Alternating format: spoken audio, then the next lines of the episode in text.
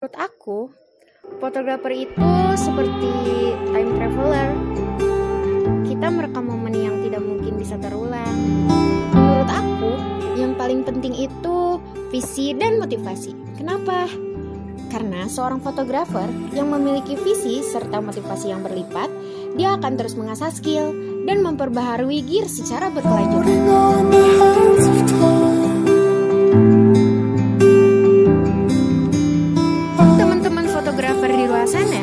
Lupain minder, lupain gengsi, lupain referensi. Kalian semua berhak untuk otentik, hargai proses, hargai diri.